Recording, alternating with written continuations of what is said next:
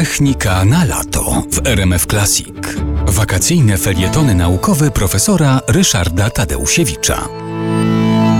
Jurij Gagarin, który był pierwszym człowiekiem, który no, okrążył Ziemię w swoim statku kosmicznym Wastok 1, był ogromnym bohaterem i był ogromnie fetowany. Słusznie zresztą, bo to była ogromna odwaga wsiąść do takiego pojazdu na szczycie rakiety, dać się wystrzelić poza atmosferę. Lot Gagarina miał miejsce 12 kwietnia 1961 roku i mało kto zwrócił wtedy uwagę na to, że Gagarin miał tak zwanego dublera.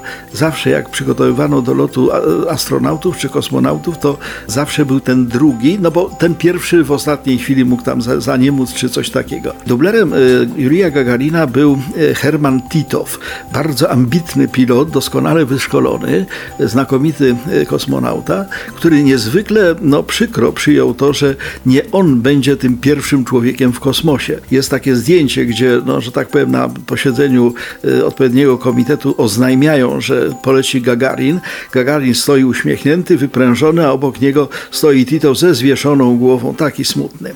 Wobec tego Tito czekał na swoją szansę i dostał ją 6 sierpnia 1961 roku. W tym samym roku co Gagarin, tyle tylko, że parę miesięcy później poleciał w kosmos jako drugi.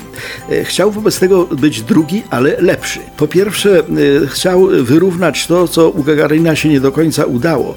Mianowicie mało kto zwraca uwagę na to, że Gagarin nie wykonał pełnego oblotu Ziemi, czyli ta orbita była niepełna, no bo ze względu na kłopoty ze statkiem lądował troszkę wcześniej, troszkę, ale no jednak nie była to pełna orbita. Titow powiedział, że wobec tego on będzie latał całą jedną dobę. Podobno jego koledzy mówili, ciś ty zwariował, to my ile potem będziemy musieli latać tydzień, dwa, miesiąc, no ale e, Titow zażądał i spełniono to, że jego lot będzie trwał jedną dobę. To było 17 okrążeń Ziemi będzie ręcznie sterował statkiem. Gagarin też tego nie robił.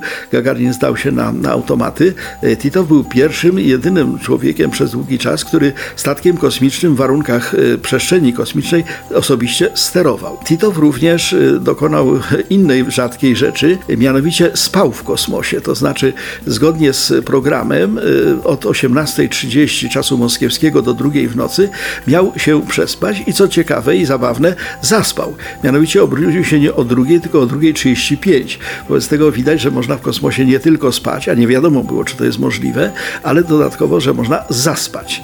Natomiast Titow miał jedną przygodę bardzo niemiłą. Chorował na chorobę lokomocyjną, to znaczy miał no, mdłości okropne. Gagarin tego nie miał, ponieważ za krótko latał. Natomiast wtedy ludzie nie wiedzieli, że próżnia kosmiczna, że nieważkość tak będzie oddziaływana. Titow wobec tego no, znany jest z tego, że, że latał, znany jest z tego, że okrąży Ziemię wielokrotnie, ale znany jest również z tego, że no niestety właśnie podczas tego lotu chorował. Ale innym też się to zdarzało, na przykład Walentyna Tiereszkowa, pierwsza kobieta w kosmosie, też wymiotowała.